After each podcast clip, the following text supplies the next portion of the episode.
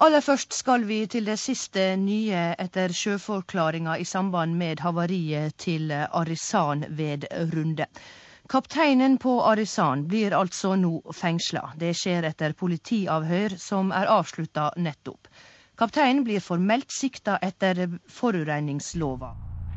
Natt til 12. januar 1992 grunnstøtte skipet Arisan på et skjær utenfor Herøy på Søre Sunnmøre.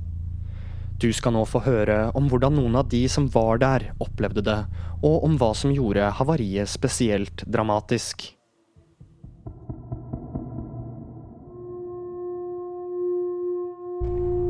Du hører på Radio Volda. Dette er en podkast om MS Arisan.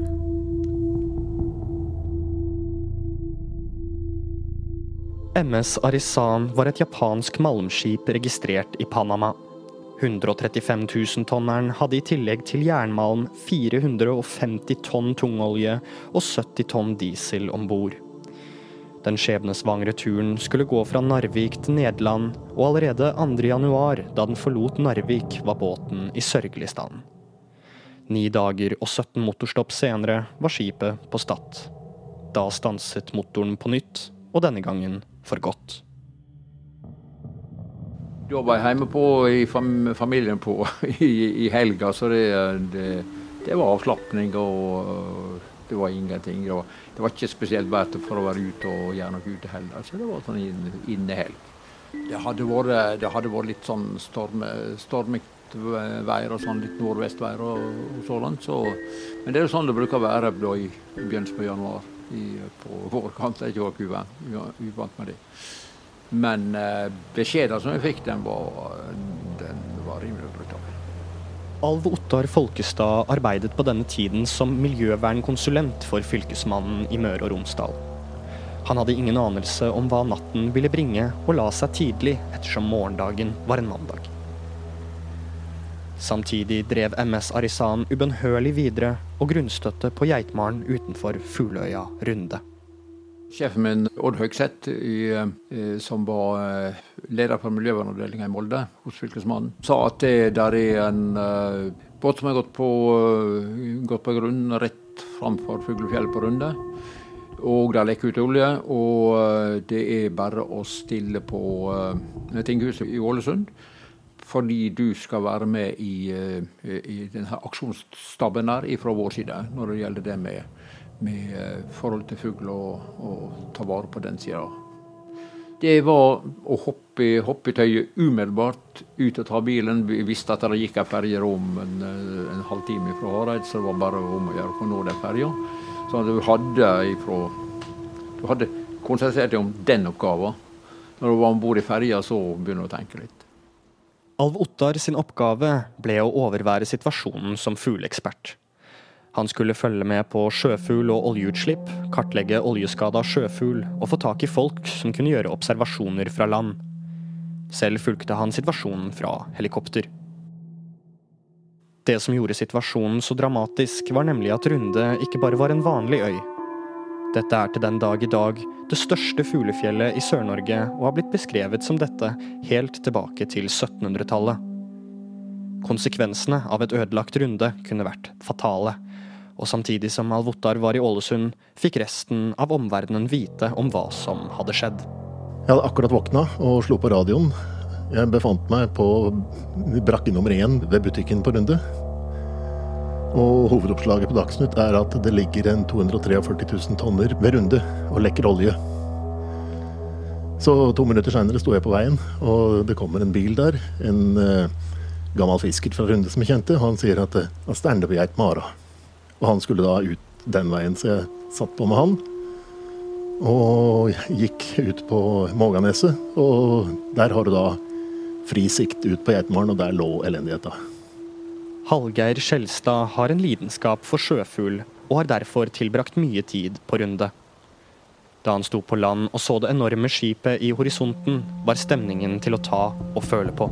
Det var et mareritt, og det var noe vi hadde frykta i mange år at skulle skje. Og vi visste jo ikke hva slags båt dette her var, om det var en oljetanker eller hva det var. Så eh, som sagt, jeg gikk jo da ut på Måganeset da vi sto, og der var det allerede samla en eh, god del folk i alle aldre fra Runde. Og det er nok det nærmeste jeg har opplevd eh, krigsstemning. For det vi så da, var et uh, skip som lå på grunn, og ett eller to helikoptre som svevde over.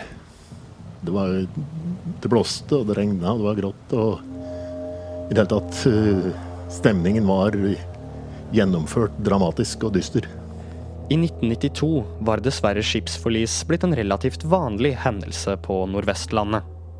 Har dere kapasitet i SFT til å rydde opp etter hvert, og hvor mye koster det her eh, den norske stat? Ja, Oversikten over kostnadene har vi jo ikke ennå, det får jo komme etter hvert. Men det er klart at uh, dette nå begynner også å bli et slitasjeproblem for, uh, for mannskapene her. Likevel var bekymringene knyttet til akkurat dette havariet i en særstilling.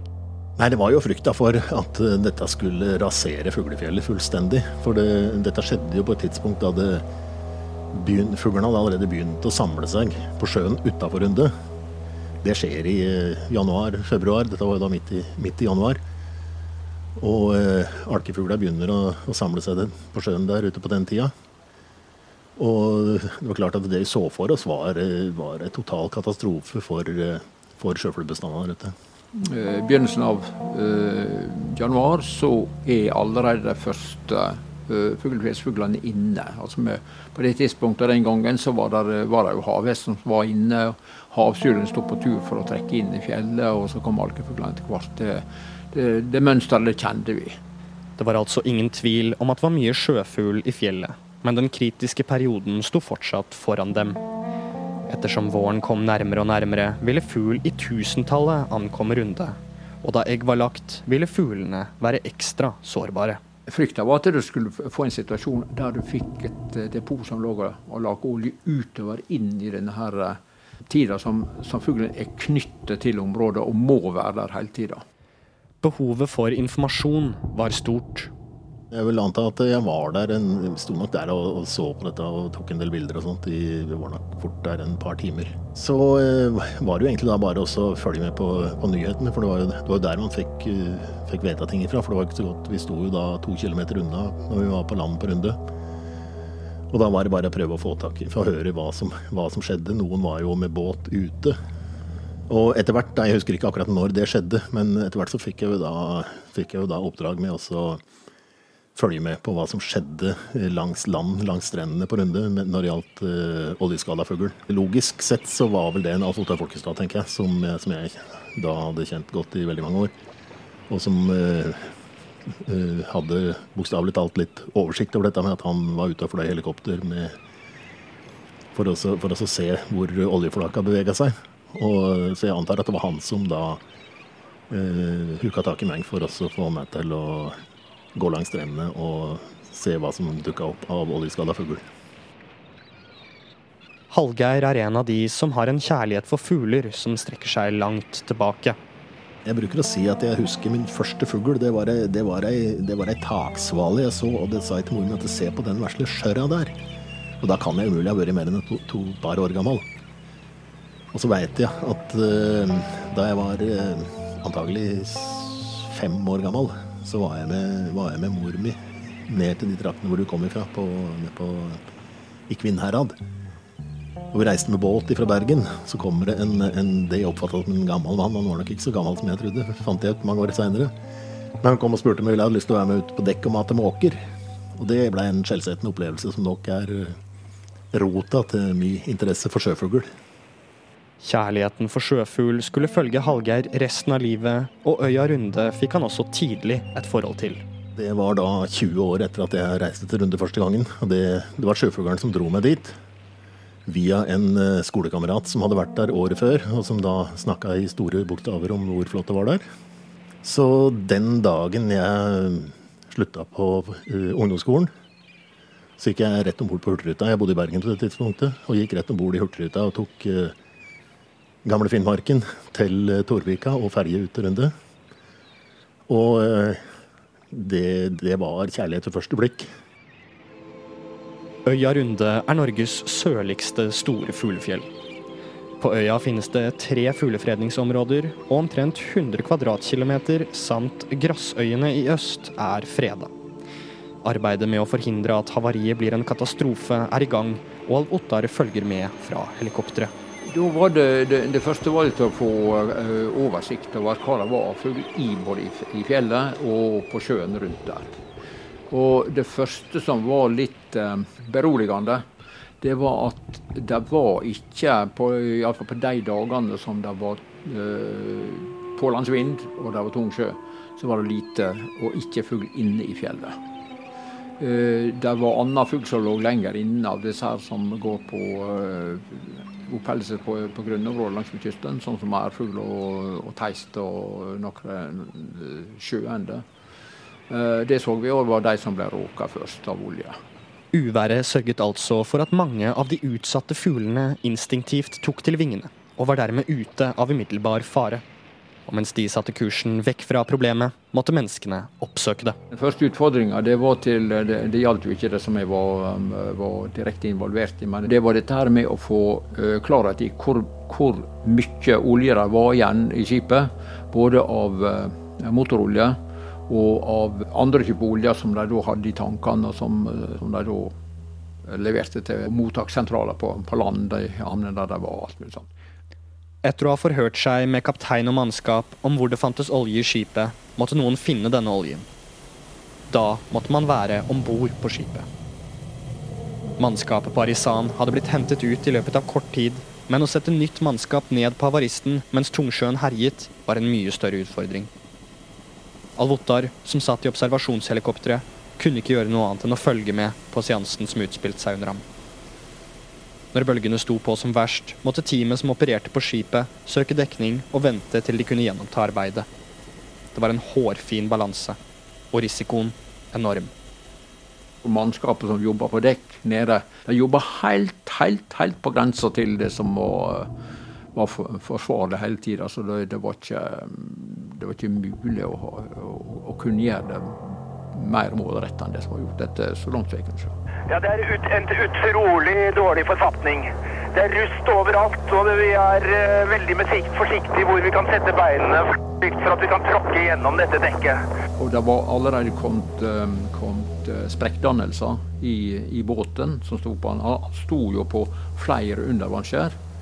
Og båt på, på en lengde på nesten 300 meter lengde, og med høyde fra, fra kjøl til, til, til dekk på 20 meter. Og så har du fra dekk til toppen på, på bygninga på 20, ytterligere 20 meter. Så er det skikkelig dimensjoner det dreier seg om, og så ser du at, det, ser du at stålplatene begynner å revne. og liksom sånn det, du, du jobber imot uh, voldsomme krefter. Og da Alvotar bevitnet dramatikk, møtte Hallgeir tragedie. Det, det gjør et visst inntrykk når du, når du ser den, den første polarsvømmesnipa som noen gang er registrert på runde.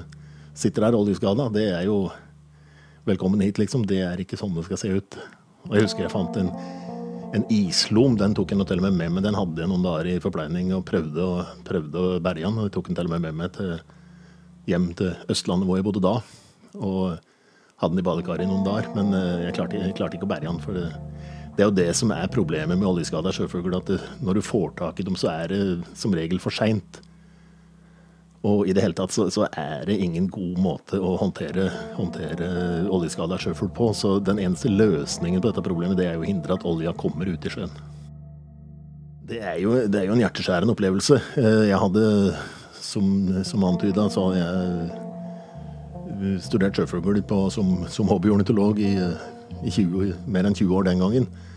Og når du har sett åssen sjøfugl behersker et eh, krevende miljø til fullkommenhet, så er det en hjerteskjærende opplevelse å se sjøfugl med vannskrekk, som da kryper på land og sitter der og, og prøver å pusse seg for å, større eller mindre mengder med olje, og vite at eh, de, har, de er egentlig dødsdømt. For jeg ja, flere grunner.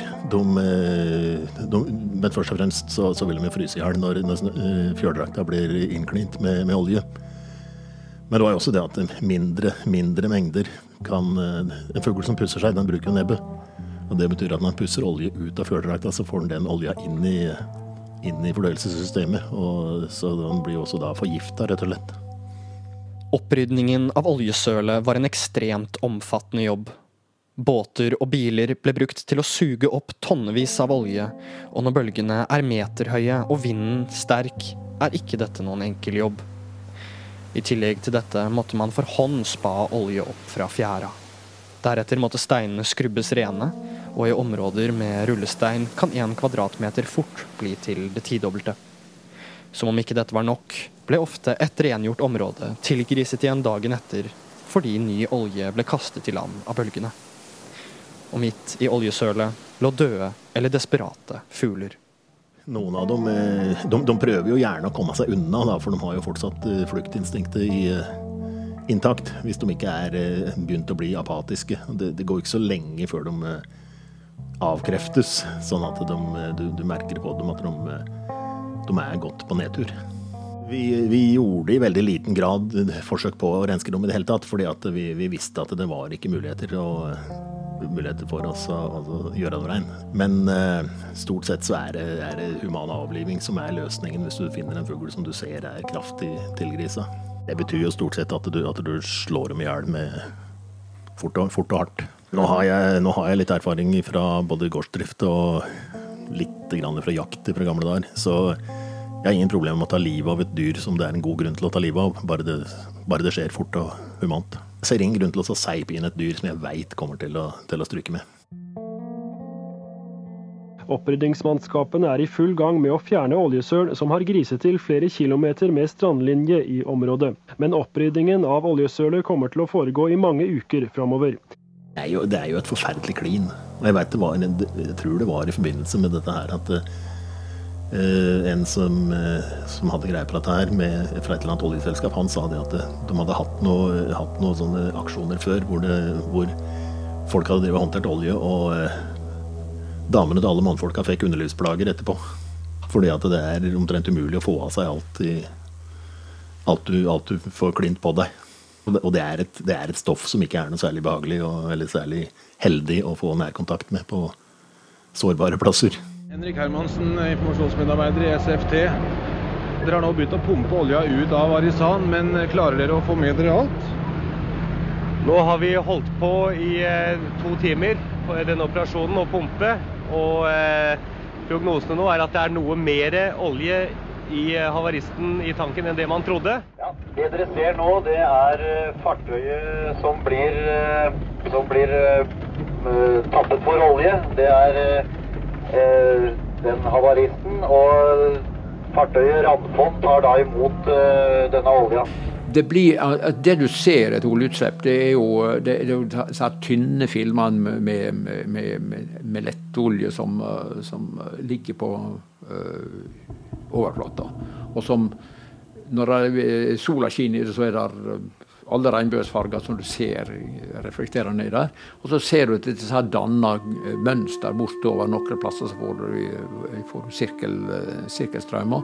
Men du ser at de flyr utover og lager seg renner utover. Og så er det tilsynelatende rent vann innimellom igjen. Sånn, sånn det, det, er ikke, det er ikke sammenhengende stor flate.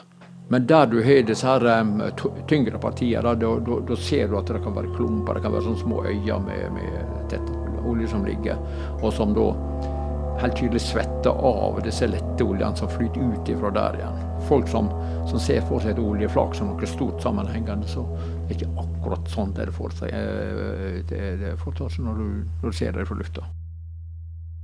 Når vi fløy over med helikopter, så, så trengte vi om å se så mye olje på, på, på, sjøen. Men når vi kom opp til eh, en del av øyene lenger nord, der strømmen gikk inn mellom øyene og kanskje gikk inn og gikk i, i bakevja. Der kom oljen opp igjen og gikk opp på stranda.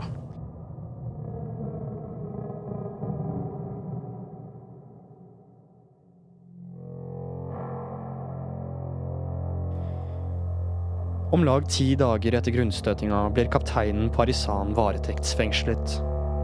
Det er svært sjeldent at noe slikt skjer. Ålesund forhørsrett kom fram til at kapteinen oppførte seg uaktsomt i forbindelse med havariet ved Runde. Kapteinen på det havarerte lasteskipet Arisan ga losvesenet feilaktige opplysninger om skipets vekt da skipet kom til Norge. Ved å unnlate å be om hjelp, setter han eie og andre sitt liv i fare. Kapteinen la fram et sertifikat som sa at skipet var på 47 000 bruttoregistertonn, nesten halvparten av den egentlige vekten. Arnstein Nilsen brukte så sterke ord som grotesk mangel på sjømannskap. En kaptein på et skip som Arisan opererer etter strenge ordre fra rederiet som eier det og det er høy terskel for å ikke følge disse. Argumentasjonen for eh, fengslingen blir derfor at kapteinen uansett hva burde ha visst bedre og sett sin egen og skipets begrensning, samt tatt inn over seg konsekvensene av et havari utenfor norskekystens sårbare natur.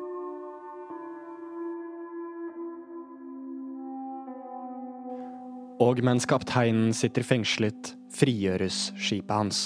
Det var jo det som var utviklinga over tid, da. Først så gikk, gikk baugen ut. Den ble, ble eh, revna av, brått av og velta ut i sjøen. Og så gikk den ene sida, vanken på den ene sida, bråtna ut og, og til den ene sida, og så bråtna den andre ut. og så satt, eh, til, til slutt så sto bakparten av skipet igjen med eh, som sto solig på bunnen, og med ei, eh, ei totalhøyde fra kjøl og helt opp på toppen på 40 meter. Restene av vraket er nå sunket utenfor Sunnmørskysten, og oljesøl har tilgriset flere kilometer med strandlinje. Baugen gikk ut, og så gikk den ene sida og så gikk den andre sida og velte over. Og så sto uh, maskinrommet og overbygningen igjen til, til, slutt. Og ble tatt i en uh, skikkelig tung, tung sjøstorm i i begynnelsen av mars. Det er bare skorsteinen på akterskipet som stikker opp av sjøen, etter at det som var igjen av vraket sank i går kveld. Statens forurensningstilsyn og Sjøfartsdirektoratet skal mandag møtes for å drøfte hvor mye av vraket av malmskipet Arisan som skal fjernes.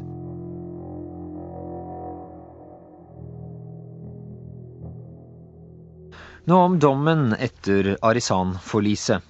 Søre Sunnmøre herredsrett har i dag dømt kapteinen på Arisan til fengsel i 30 dager og en bot på 30 000 kroner. Retten har dermed funnet koreaneren skyldig i brudd på både forurensningsloven og sjødyktighetsloven.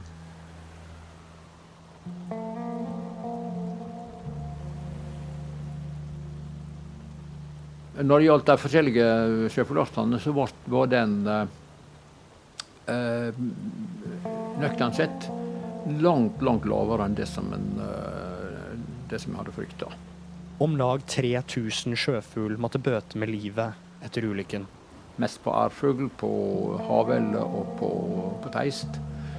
Mens sjøfuglartene var, var, lavere, langt lavere. Og det, det hadde jo uh, å gjøre med at gudskjelov så var det før uh, fuglen var i nærheten av å begynne å bygge reir og, og legge egg i fjellet. Og øh, dernest at de reagerte på været på en sånn måte at de, trekte vekk i de periodene som det var størst fare for at det var olje i, i drift på, på, sjøen. Dette her var jo i begynnelsen av januar, og øh, mesteparten av fuglene var ikke kommet inn i fuglefjellet ennå. Den mest intensive opprydningsperioden varte i noen måneder men det tok over et år før alt var tilbake til normalen. Jeg mener at jeg var der. Første, første runden så var jeg der i 14 dager. Jeg, søkte, jeg, jeg jobba som journalist i Romerikes Blad den gangen. Så jeg fikk på telefon eh, permisjon i 14 dager for å, for å, følge opp dette her.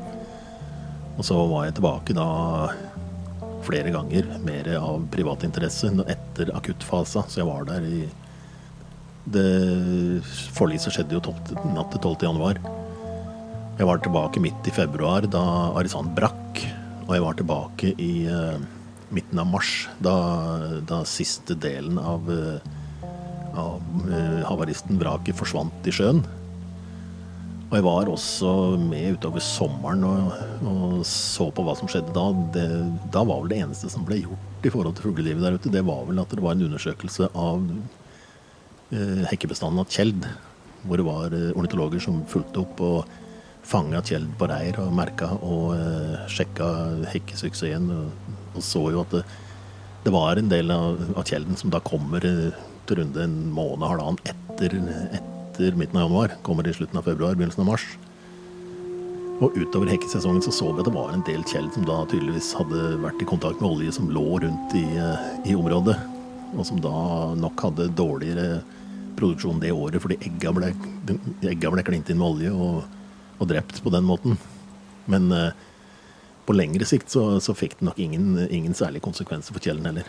Men jeg var, jeg, var, jeg var på runde 16 ganger det året, husker jeg.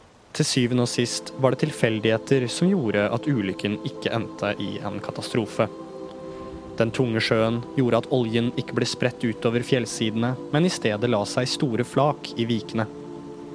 Vinden gjorde at fuglene trakk seg vekk på flere av de mest kritiske dagene, og været var så vidt godt nok til at man kunne gjøre det nødvendige opprydningsarbeidet til sjøs.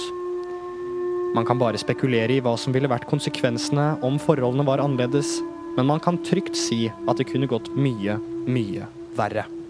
Det er jo det er kanskje lyspunktet sånn på kort sikt. At eh, det vi For det første så, så blei det jo aldri den eh, massedøden av fugl som det vi så for oss.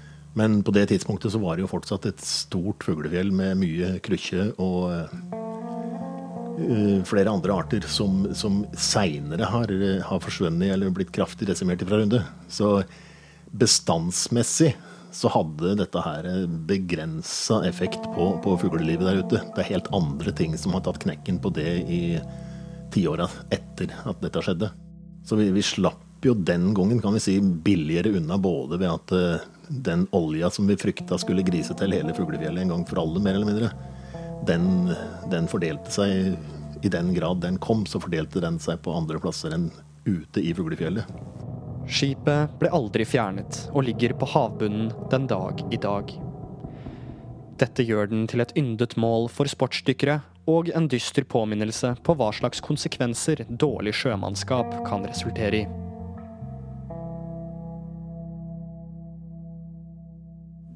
du, du, sitter i eh, krysskoblinger mellom følelser og, og realiteter og veit at du skal, eh, du skal ha Du har intenst behov for å, å, få vite hva er det som skjer. Og nettopp det å, å, å få lov å være, i, være, med i den staben som, som hele tida skal følge med, det, det for, jeg tror nok at for, eh, for, min del personlig så var det en mektig fordel at jeg, jeg, jeg hadde den oppgaven som jeg hadde. Fordi at det å, å, å sitte på sidelinja og, og, og, eh, vente på hva som skjer, det hadde vært passelig ulidelig. Fugl, og spesielt sjøfugl, har alltid vært en viktig del av, det, av, av livet mitt, rett og slett.